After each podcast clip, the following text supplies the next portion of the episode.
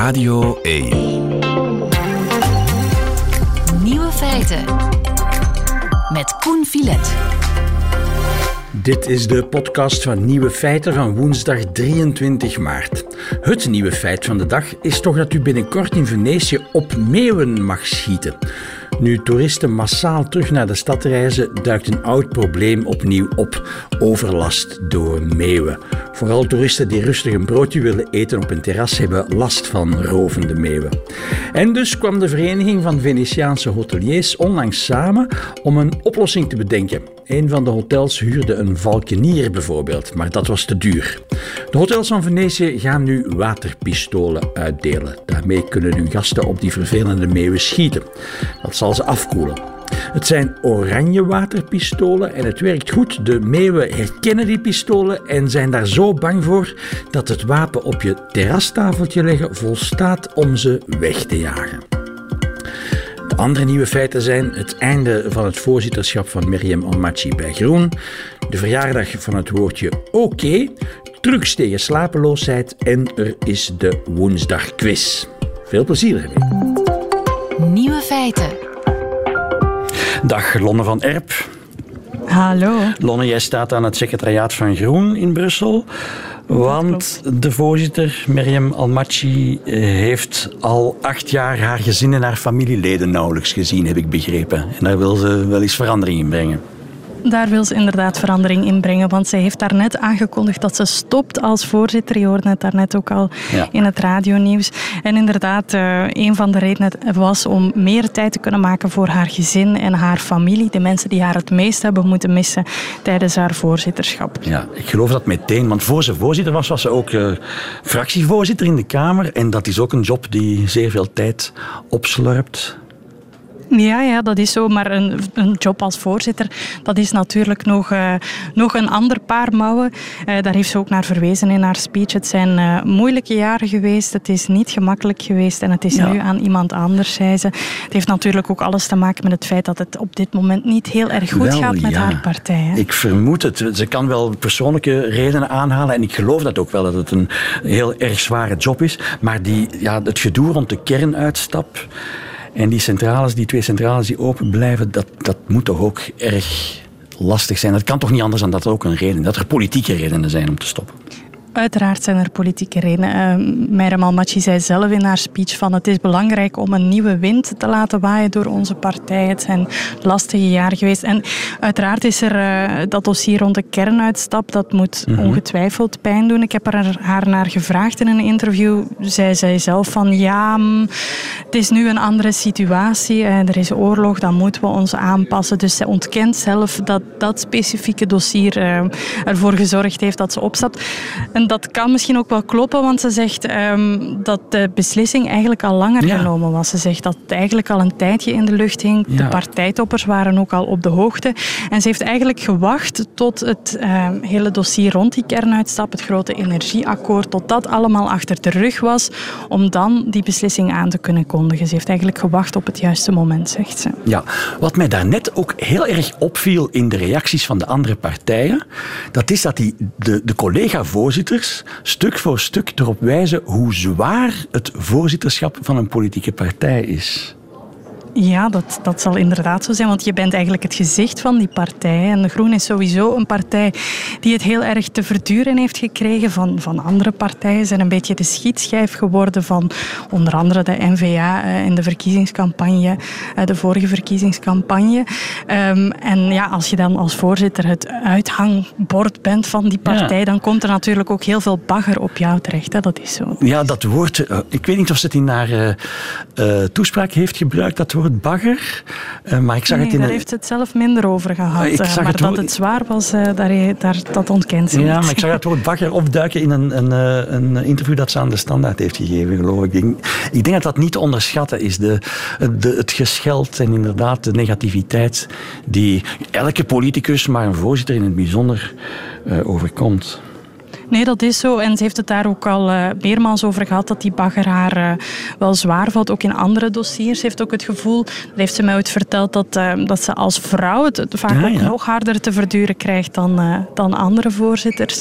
Um, dus dat dat misschien meegespeeld heeft, dat zal, dat zal ook wel zo zijn. Maar de belangrijkste reden was volgens haar, volgens de speech die ze daarnet gegeven heeft, Ja. om echt een nieuw elan te kunnen geven aan, aan haar partij en om ook persoonlijke redenen om, om meer tijd De vraag dringt zich op. Wat nu? Wie nu vooral? Opvolger? Ja, echt opvolgers uh, zijn er nog niet aangeduid. Um, het is zo dat er nu een interne verkiezing georganiseerd zal worden. En waarschijnlijk mogen we tegen de zomer dan een opvolger verwachten. Mei, juni uh, werd daar straks geopperd, maar dat is eigenlijk nog niet duidelijk. Er hebben ook nog geen kandidaten zich aangediend. Dus in de tussentijd blijft Meirem Almaty uh, gewoon Ja. aan als waarnemend. Maar als ze zelf de woorden nieuwe wind in de mond neemt, dan doet mij dat vermoeden dat haar voorkeur uitgaat naar een echt een nieuwe wind, een nieuw gezicht. Niet een van de figuren die we kennen uit het verleden of zelfs het heden. Ja, daar wilde ze zich absoluut niet over Ja. uitspreken, want ze wilde absoluut Nee. de verkiezingen niet beïnvloeden. Groen is een democratische partij, kreeg ik te horen. Dus het is heel belangrijk dat ze die verkiezing gewoon eh, laat plaatsvinden, zei ze. Lonne van Erp, dankjewel. Graag gedaan. Radio 1. Nieuwe feiten. We zijn het eh, middaguur ver voorbij, dus misschien is het een beetje laat op de dag om nog te vragen, beste luisteraar, hoe uw nacht is geweest, of u lekker geslapen heeft. Maar toch, heeft u lekker geslapen, is de vraag die nu ter zake doet. Want eh, Inge de Klerk zit bij mij. Hallo, Koen. Goedemiddag, dokter. Uh, u zit hier omdat u een boek geschreven heeft over slapen. Of over niet slapen. over slecht slapen. Over mensen die een slaapprobleem hebben en wat ze daaraan kunnen doen.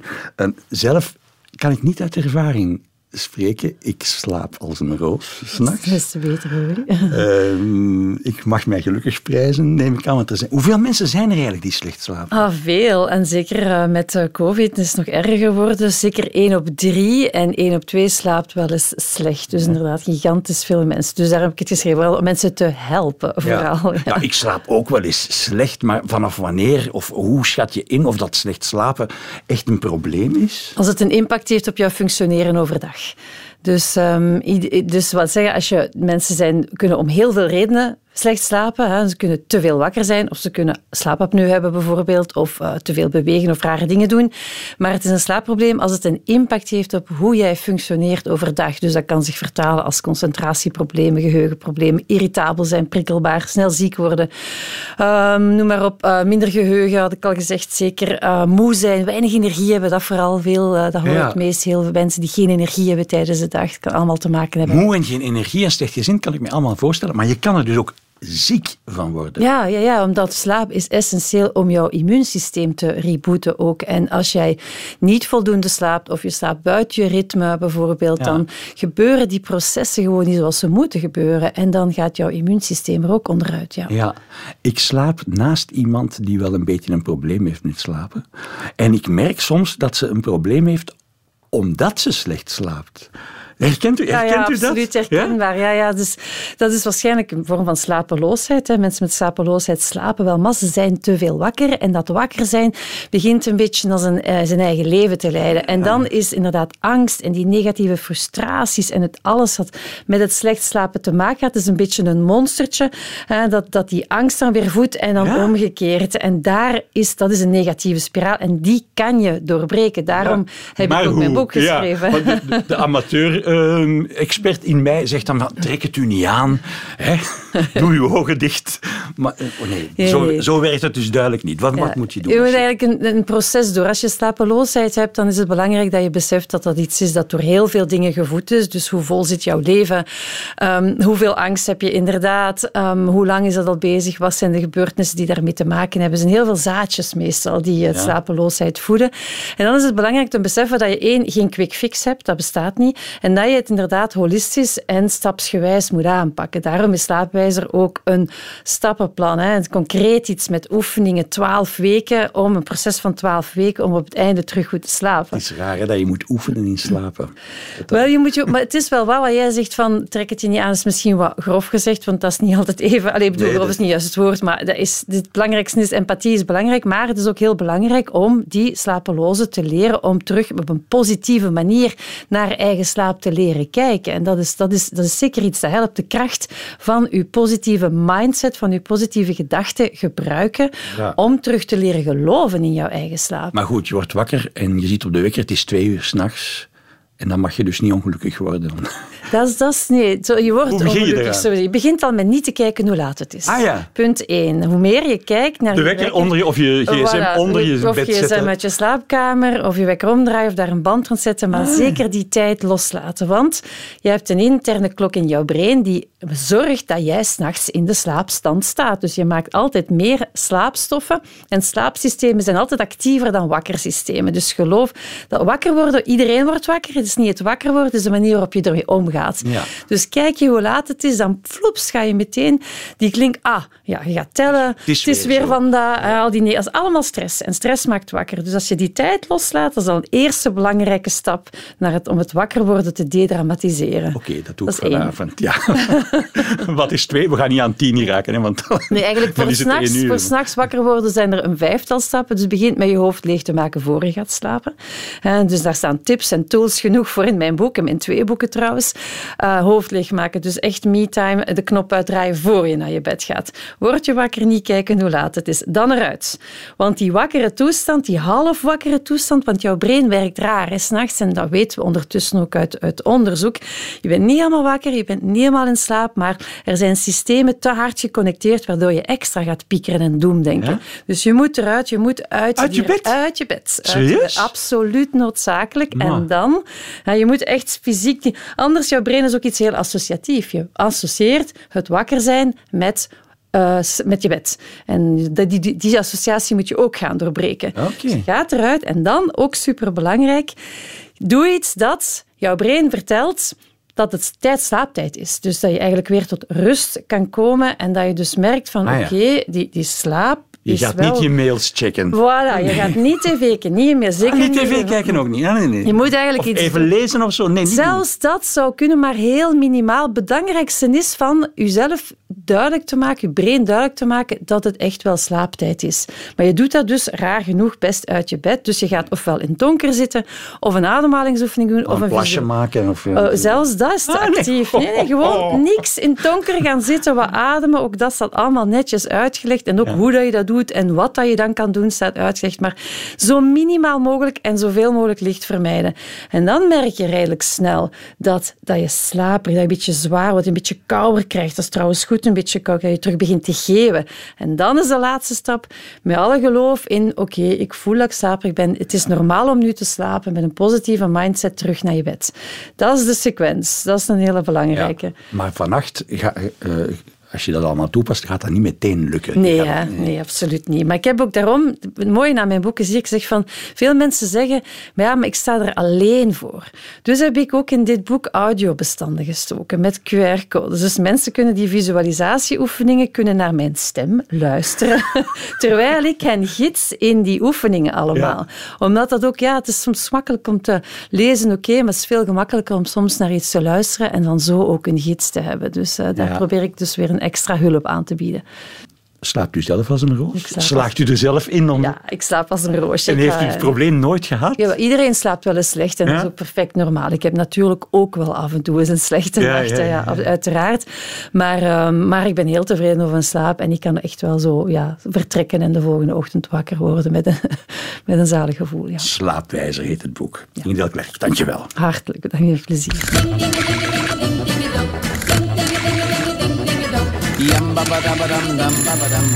Nieuwe feiten. Het is vandaag 23 maart en dat is een verjaardag. De verjaardag van een woord. De verjaardag van het woord oké. En als er een woord jarig is, dan wordt er aan eh, het departement taalkunde van de Universiteit van Leuven een fles ontkurkt. Dag professor Freek van de Velde. Hallo. Ik overdrijf misschien een klein beetje van die fles en zo. Nee hoor, nee hoor. We zijn hier uh, aan de kroonluchters aan het, uh, aan het hangen en feestneuzen op, broeksriemen los, absoluut. Want oké okay is jarig. Op 23 maart 1839 is het woord oké okay voor het eerst in druk verschenen. Als ik goed ben geïnformeerd, klopt het? Ja, dat klopt. En dat is uh, uitzonderlijk dat we weten van een woord wanneer het ontstaan is. Hè. Meestal moeten we in het duister tasten. Uh, een woord leidt meestal uh, onder de radar een lang bestaan, ja. voor het echt op papier betrapt kan worden. Uh, maar voor heel recente woorden hebben we soms het geluk dat we in kranten of in tijdschriften of in boeken kunnen zien wanneer het ontstaan is. En dat is in dit geval inderdaad 1839, 23 maart. Ja. De geboorte van het woord oké. Okay. Op de kop, hoeveel is het dan? 183 jaar geleden. Maar oké, okay, het is een raar woord. Het uh, lijkt een afkorting. Nee, het zal wel een afkorting zijn. Um, heeft u dat artikeltje uit de Boston Morning Post daar bij u liggen? Zit dat in uw archief? En wordt het woord oké okay daar ook even uitgelegd? Nee, maar oké okay is wel een, een, een woord dat uh, enfin, zekere ruchtbaarheid heeft in de, in de etymologie. Het is een van die woorden waar enorm veel theorieën over bestaan. Je hebt dat met andere woorden ook. Een ander notoor voorbeeld is het woord fiets. Daar bestaan ja, tientallen theorieën over, over waar het vandaan komt. En met oké okay is dat ook. Dus um, ja. de, de, taalkundige Ewout Sanders heeft ooit eens gezegd als je op zoek gaat naar de etymologie van het woord oké, okay, dan trek je een beerput open en op de bodem daarvan ligt een enorme stapel papier dus uh, er zijn ontzettend veel theorieën. Er zijn ook in dit geval veel mensen die er naar gekeken hebben, vakmensen. Ja? Er is een, een, serie artikelen geschreven door uh, een zekere Alan Walker Reed, uh, die ja, in, in de jaren 60, een Amerikaanse taalkundige, die daar echt heel grondig naar gekeken heeft. Er zijn ook boeken over verschenen, over dat ene woord. en de meest plausibele theorie van al die, van, van die beerput van theorieën, um, een beetje oneerbiedig uitgedrukt, is inderdaad dat het een afkorting is. Een afkorting die staat voor um, all correct. Um, all correct. Protest. Protest. De afkorting ja. van all correct is AC, niet OK. Inderdaad, inderdaad. En dat is dus deel van het woordspel. Men, men deed dat bewust verkeerd. Hè. Dus voor, het voor all right ja. had men OW. Dat is de voorganger van uh, OK. Ah, OW ja. is ook een tijdje in, in zwang geweest. OW, um, terwijl het all right is A. Ja. Uh, we zien dat ook elders in de taal, dat, uh, dat, dat van die modieuze uitdrukkingen soms verhaspeld worden of een klein beetje aangepakt worden of aangetast worden of zo. En dat was heel erg in de mode in die tijd, in de, in de jaren 30, 40 van, van, uh, van Amerika. In Boston was het ontstaan. Het is dan als een virus verspreid naar New York en, en, en naar New Orleans. En, uh, en zo is het uh, verspreid. laat komt dat dan in een krant terecht. En dat is dan voor etymologen het officiële moment om dat vast te stellen. Oké, okay, 23 maart, uh, 183 jaar geleden. Maar van waar die beerput dan? We hebben onze verklaring. Ik geloof u meteen wat u net allemaal vertelt. Ja, ja dus, maar er zijn tal van andere verklaringen. De ene nog vergezochter of, of spectaculairder dan de andere. Er is een Amerikaanse spoorwegbeambte die dezelfde initialen heeft. Die heet Obadiah Kelly. En die zou el, elk postpakket afgestempeld hebben met oké als het, als het uh, door mocht gaan. Ja? Uh, er is een Indianenhoofdman die dat ook ondertekent met, enfin, die, die van die verdragen ondertekent met zijn initialen, ook oké. Um, zero kills is ook een van die, um, van die etymologieën, ah, dat ja, dat uh, 0K, dat het allemaal in orde is. Er zijn geen, in, een militaire context, er zijn geen sterfgevallen, er zijn geen gesneuvelden. Uh, het kan ook dat die allemaal een rol gespeeld hebben. Dus bijvoorbeeld voor, oké, okay, wat we wel vrij zeker weten, is dat er een belangrijke rol weggelegd is voor een zekere Martin van Buren. Dat is een presidentskandidaat in 1840 mm -hmm. voor de Democraten. Een nogal uh, ja, moeilijke presidentscampagne blijkbaar. En um, die, um, die zijn bijnaam was de, Fox of Kinderhook, de, de vos van Kinderhoek. En dat is een dorpje in, in, in New York. Uh, en Old Kinderhook, als je dat afkort, is dat oké. Okay. En ze hadden een clubje opgericht, die democraten. Um, de Democratic OK Club. Ah, ja. Um, en dat heeft in ieder geval ook die tractie gegeven aan dat woord. Hè. Dus dan is het echt nog meer verspreid. Hè. In de krant kan dat een sluipend bestaan leiden. Maar door die presidentsverkiezingen is het dan uh, bekender geworden. Dus ook dat, hè, die Old Kinderhook, speelt ook een rol. Hè. Dat zien we wel vaker in de taalkunde, dat je ja. verschillende woorden hebt die samenvloeien. Dat, okay. uh, Oh, wat dat heet ja, paronymische attractie. Uh, dus dat is, daar, is, ja. daar schrikken we niet van als taalkundige. Uh, wat u daarnet zei over die, die, die man die wiens initialen oké okay was. Ja, al, allicht zijn er tientallen mensen geweest die handtekenden met de initialen OK. En zo is het toch ook het verhaal van die werknemer bij Ford, die Oscar Carlson heette en die dus op de, afgewerkte, op de papieren van een afgewerkte Forte OK stempelde. Ja, uh, en dat kan allemaal ook, ook zo zijn. Het kan ook zo zijn dat die man dat gedaan heeft omdat, omdat ook heel bestond, bijvoorbeeld. dat kan ook allemaal. hè. Dus uh, wat is oorzaak, wat is gevolg hier? Uh, dat afkortingen een rol spelen ook in de etymologie, dat, dat, dat is bizar eigenlijk aan dat woord. Hè. Dat een, een woord dat ontstaat als een afkorting wereldwijd gebruikt wordt door miljarden mensen, dat is opvallender dan dat iemand met diezelfde initialen dat gebruikt. Ik denk dat het nadien komt, hè, dat mensen dan het woord kennen. Ja. Um, ja. Zeg, ik, nog, ik, heb, nog één vraagje. Um, hoe spel je oké? Ja, daar zijn dus uh, ja, tal van varianten van, dat moet ik u niet vertellen. En die, die varianten die zijn ook niet uh, onschuldig in die zin dat uh, de manier waarop je dat schrijft ook iets zegt over je leeftijd, je demografische achtergrond, je sociale achtergrond. Uh, tot welke club je behoort. Hè. Dus als je bijvoorbeeld mijn leeftijd hebt, en uh, enfin, ik, zal, ik zal niet in detail treden of zo, maar ik ben, uh, ik ben geen tiener. Ik schrijf dat gewoon als O. K, hè. Maar, wij, zijn generatie, wij zijn generatiegenoten, denk ik. Ik schrijf dat ook ja, zo. Ja. Voilà, uh, dus wij verstaan elkaar, ja. meneer Filet. Maar uh, uh, er zijn mensen, jongere collega's van mij, die schrijven als O, K, E accent aigu. Mm -hmm. Dus met zo'n accenttekentje op, op de E. Mm -hmm. Ja, op mij komt dat jonger over. Ik vind dat, um, ja, dat is iets van een andere generatie. Of je kunt schrijven O-K-A-Y. Dat kan ook. Hè. En um, ja, dat, dat, dat, dat, drukt iets uit. Hè. Dat weten we ook, dat die spelling, dat noemen we indexicaliteit. Dat is uh, dat, dat die spelling, of, of de woorden die je gebruikt, natuurlijk... Uh, onwillekeurig of willekeurig iets zeggen over, over je achtergrond. Ja. Ik heb van dus, mijn uh, kinderen... Ja, de manier waarop je het schrijft is niet onschuldig. Ik heb van mijn, van mijn kinderen wel eens te horen gekregen dat oké, okay, zoals u en ik dat schrijven, OK, dat dat, dat, dat Nors is. Dat dat ja, ja. ja, dat, onvriendelijk is. Ja, dat is wat heet tweede orde indexicaliteit. Dus eerst associëren mensen dat van, ah ja, dat is de, zo doen oudere mensen dat. Of, mm. En die mensen zijn vaak Nors. Ah, ja, ja. Ergo, het klinkt Nors. Ja, dat is wat Silverstein uh, tweede orde indexicaliteit noemt. Maar nu worden we technisch. Dus dat is, uh... maar het is goed. Ik, ik vind het fijn dat ik tegen mijn kinderen kan zeggen, het is tweede orde indexicaliteit. Voilà, voilà. Dan gaan ze met hun ogen rollen. Ja, uh, voilà. Dus linksom of rechtsom. Oké. Okay. We staan voor paal. Freek van der Velde, dank u wel. Heel graag gedaan. Nieuwe feiten. Woensdag quiz. Het spannendste moment in mijn invalbeurt bij Nieuwe Feiten als vervanger van uh, uh, Lieven van den Houten. Maar uh, Gilles zit tegenover mij. Jury van de quiz en rots in de branding als ik de weg kwijt ga in ons eigen spel. Daarom ben ik hier. Ja, Oké. Okay. De kandidaten zijn... Is, de eerste kandidaat is Raf van den Berg. Dag Raf. Dag Koen. Wat was je aan het doen, Raf? Of wat ben je aan het doen? Behalve naar de radio aan het luisteren, dan mag je niet antwoorden. Wat ben je aan het doen? goh, ja, geen, geen hol in feite. Geen... Mag dat? geen hol. Dan dringt de volgende vraag zich op. Wat is jouw beroep dat je geen hol aan het doen bent? Ik ben net een jaar of uh, drie, vier uh, gestopt met werken. Ah ja, ja. dan, dan ja. ben je gerechtigd om geen hol te doen. En Dankjewel. Onze tweede kandidaat is Kerem Duymazelaar. Dag Kerem. Ja, hallo. Ik weet wat jij aan het doen was. Jij zit in de auto, hè? Ja, ik ben op de baan voor mijn werk. Ja, nou waar was je onderweg? Uh, nu eigenlijk terug naar mijn werk en dan had ik gedaan. Dus. Ah ja, en wat is jouw werk? Uh, ik ben leverancier, ik ben chauffeur voor uh, restaurants en bedrijven. Ah ja, dus je, rijdt met een vracht... jij rijdt met een vrachtwagen vol eten rond?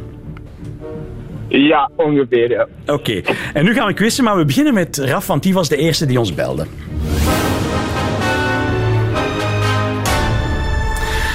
En Raf, je weet het, zolang dat jij goede antwoorden geeft, mag je, mag je doorquizzen. Als je een fout antwoord ja. geeft, dan gaan we naar Kerm. Oké. Okay. Raf, astronauten verliezen tijdens hun verblijf in de ruimte botmassa. Welk product zal dat volgens nieuw onderzoek in de toekomst kunnen vermijden? Een omelet, sla of slagroom? Ik heb geen idee. Ik zou voor uh, nummer drie uh, gaan. Dat was slagroom. Fout! Gilles, wat was het? Ja? Nee, of moet ik nu, nu moet We ik gaan naar... Kerem nu laten moet ik naar Kerem. eerst. Kerem, ja. En het zou dus jouw eh, specialiteit kunnen zijn, eh, restaurantwaren. Eh, wat, wat is het volgens jou? Omelet en sla blijven over. Eh, ik gok omelet. Misschien zit er geen sla in de vrachtwagen. Het was sla. Het was sla inderdaad, omdat astronauten verliezen blijkbaar in de ruimte iedere maand 1 à 2 procent botmassa. En dus wordt er gewerkt aan een oplossing. En een van de oplossingen waar Amerikaanse onderzoekers mee zijn gekomen is een genetisch gemodificeerde krop sla. En er zit een hormoon in dat eh, botgroei stimuleert. En dus zij hopen dus wanneer astronauten voor langere tijd naar Mars of de maan vertrekken, ze daar sla kunnen kweken die dus hun botten terug doet groeien. Werk, eh, toekomstmuziek. Voilà. We zijn dus terug bij Raf. Eh, Raf, in Sri Lanka kunnen miljoenen studenten geen examens afleggen. Waarom is de vraag? Tweederde van de leerkrachten in Sri Lanka hebben corona opgelopen na de jaarlijkse leerkrachtenconferentie. Of 73% van de pennen in Sri Lanka komen uit Rusland. En door sancties zijn er dus niet meer genoeg eh, pennen. Of C, het papier is op. Eh, goh, ja, nummer Dus- 1. Nummer 1, dat, dat, dat- Ah, niet goed bezig. Nee, niet goed bezig. Kerem, het is aan jou. Dus ofwel zijn het de pennen en door, een sanctie, door de sancties op Rusland zijn er niet genoeg pennen meer. Ofwel is gewoon het papier op. Ehm, ik wou voor B gaan, maar ik ga toch C zijn. Ja. Dat is helemaal goed. Inderdaad. Papier is op in Sri Lanka. Ze hebben daar de ergste economische crisis sinds hun onafhankelijkheid in 1948. Eh, zo erg dus dat de overheid zelfs geen papier meer kan kopen, waardoor twee derde van eh, de 4,5 miljoen studenten daar hun examens niet kunnen maken nu. Oké, we blijven bij Kerem. Wat is er aan de hand, Kerem, met de eieren in het Verenigd Koninkrijk? A. De Britse kippen zaten zo lang binnen dat hun eieren niet meer voldoen aan de definitie van vrije uitloop. Of B. Ze zijn met 5% gekrompen, die kippen, omdat ze door de brexit geen Europees kippenvoer meer krijgen. Of C. Door de, door de afgenomen luchtvervuiling tijdens de lockdown zijn eieren uit stedelijke gebieden witter geworden. Wat denk je, A, B of C? Ehm, ik ga voor B gaan. Fout. De eieren zijn niet gekrompen omdat ze door de bre- brexit geen kippenvoer uit Europa meer krijgen. Eh, Raf, het is terug aan jou. Wat denk jij? Ofwel is het de vrije uitloop die eh, niet meer klopt, ofwel zijn het de eieren die witter zijn geworden. Ehm, ik zal voor C gaan. C, witte eieren. Jammer, jammer, jammer. Het gaat goed heen en weer. Dat vind ik absoluut, absoluut. Nee, inderdaad, ja, in de UK ehm, is er op dit moment een grote vogelgriepepidemie, waardoor pluimvee dus binnengehouden moet worden. Maar ze hebben daar ook de wet dat wanneer een kip langer dan 16 weken aan één stuk binnen zit, die dus niet meer voldoet aan de voorwaarden om eieren van vrije uitloop te hebben. Dus alle eieren in het Verenigd Koninkrijk op dit moment, die normaal vrije uitloop zijn, zijn nu scharreleieren geworden. Oké, goed. Dus dat wil zeggen dat ik de laatste vraag stel aan Kerem. Als hij juist antwoordt, dan wint hij die boekenbon van 25 Absoluut. euro. Kerem, de vraag is de volgende. Een Italiaanse chef maakt furoren met zijn speciale interpretaties van lasagne. Welke van de mogelijkheden hebben we zelf verzonnen? Er zijn er dus twee waar en er is er één verzonnen. Het verzonnen antwoord moet jij eruit halen. Ofwel A, heeft die, nieuwe, heeft die chef de lasagne lolly ontwikkeld, de lekstok, zoals ze op de redactie zeggen. Ofwel de lasagne tandpasta, ofwel de lasagne kauwgom. Eén van die drie heeft hij niet verzonnen. Welk van die drie is dat? De De tandpasta. de tandpasta. Fout. De tandpasta is echt... Dat moet blijken, hè. Ja. Daaraf moet... eh Ah ja, nee, dat weten we nog niet. Nee. Nee, nee, dat is waar. Dus Raf, probeer eens. Oh, lieven, waar ben je? verzonnen. Gelukkig. Goh, Ja. ja, de tandpasta. Dus de tandpasta hebben wij zelf verzonnen. Is dat Ja. Fout. Kerem? Het is terug aan jou. Nee, Kerem heeft al geprobeerd. Nee, Kerem heeft gewonnen, denk ik. Kerem heeft gewonnen, want hij heeft het laatste juiste Ja, ik antwoord had de gegeven. tandpasta gezegd. Ja, en Raf heeft nog eens de tandpasta gezegd. Ja, ja, ik vond het een beetje. Heren, proficiat. Wacht, ik, weet echt, ik weet echt niet meer zo wie de, wie de winnaar is. Dat is Kerem. Ja, je hebt een boekenwon gewonnen van 25 euro. Yes. Ik... Veel plezier ermee. Dag Raf. Ja, hè. dankjewel. Bye. Ja, dus. Nieuwe feiten. Dat waren de nieuwe feiten van vandaag. Maar er is ook nog het middagjournaal van Bas Birker. Nieuwe feiten. Middagjournaal. Liefste landgenoten. Omdat ik ben geboren in 1979 heb ik heel bewust de geboorte meegemaakt van talloze gadgets die de wereld veranderden. Toen ik nog een kind was, kregen huizen een extra stevige fundering om het televisietoestel te dragen. Toestel ja, want alles aan dat ding was een toestand. Vroeger hingen schilderijen aan de muur en stond de televisie op een dressoir dat verstevigd werd met bakkelieten geluidsdragers. Tegenwoordig hangt de televisie aan de muur en zijn schilderijen vervangen door ingelijste inspirerende uitspraken van influencers. In dit huis hebben we regels, prijkt er trots in de glazen kast. Nee, Maria, jij hebt je regels niet meer en dat is heel het probleem, denk ik elke keer als ik een kopje Senseo drink en besef dat filterkoffie beter was. Ik herinner me nog als de dag van gisteren dat de eerste flatscreens op de markt kwamen. En schermen ineens tien keer groter werden. Trots haalde de lokale marginaal zo'n ding in huis. Van de vrachtwagen gevallen, zei hij dan. Terwijl hij zich besefte dat het ding groter was dan de beschikbare ruimte in zijn living. De deur naar de keuken moest eraan geloven. Een schilderij van een zigeunerkind met traan werd voorgoed verbannen naar de zolder. Tijdens het WK voetbal gingen belastinginspecteurs sociale woningen af. Als er ergens tig mensen in een living zaten te kijken naar een flatscreen die het voetbalveld moest verkleinen om in het beeld te passen, volgde er een onderzoek naar waar het geld daarvoor vandaan kwam. Dat de tv in beslag werd genomen was niet zo'n probleem, want meestal kreeg de dag erna toevallig weer een open camion met flatscreens een ongeluk, terwijl er net iemand in een cabrio achterreed. Zolang ik me kan herinneren, scheppen mensen op met hun statussymbolen. Kijk eens hoe groot de televisie is. Zie hoe ik kan bellen zonder draad.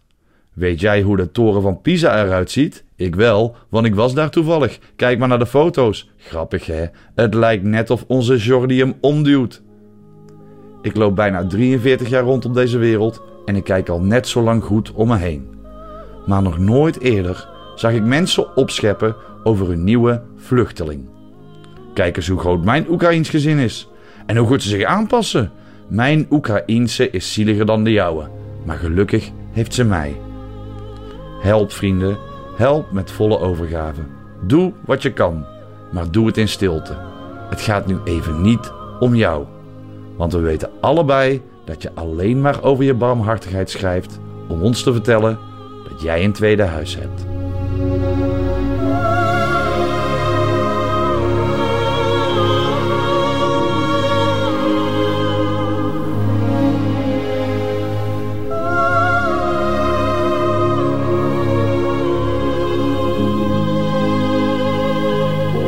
Dat was de podcast van Nieuwe Feiten van woensdag 23 maart. Als u dit wil horen met de muziek erbij, dan kan u terecht op de Radio 1-app.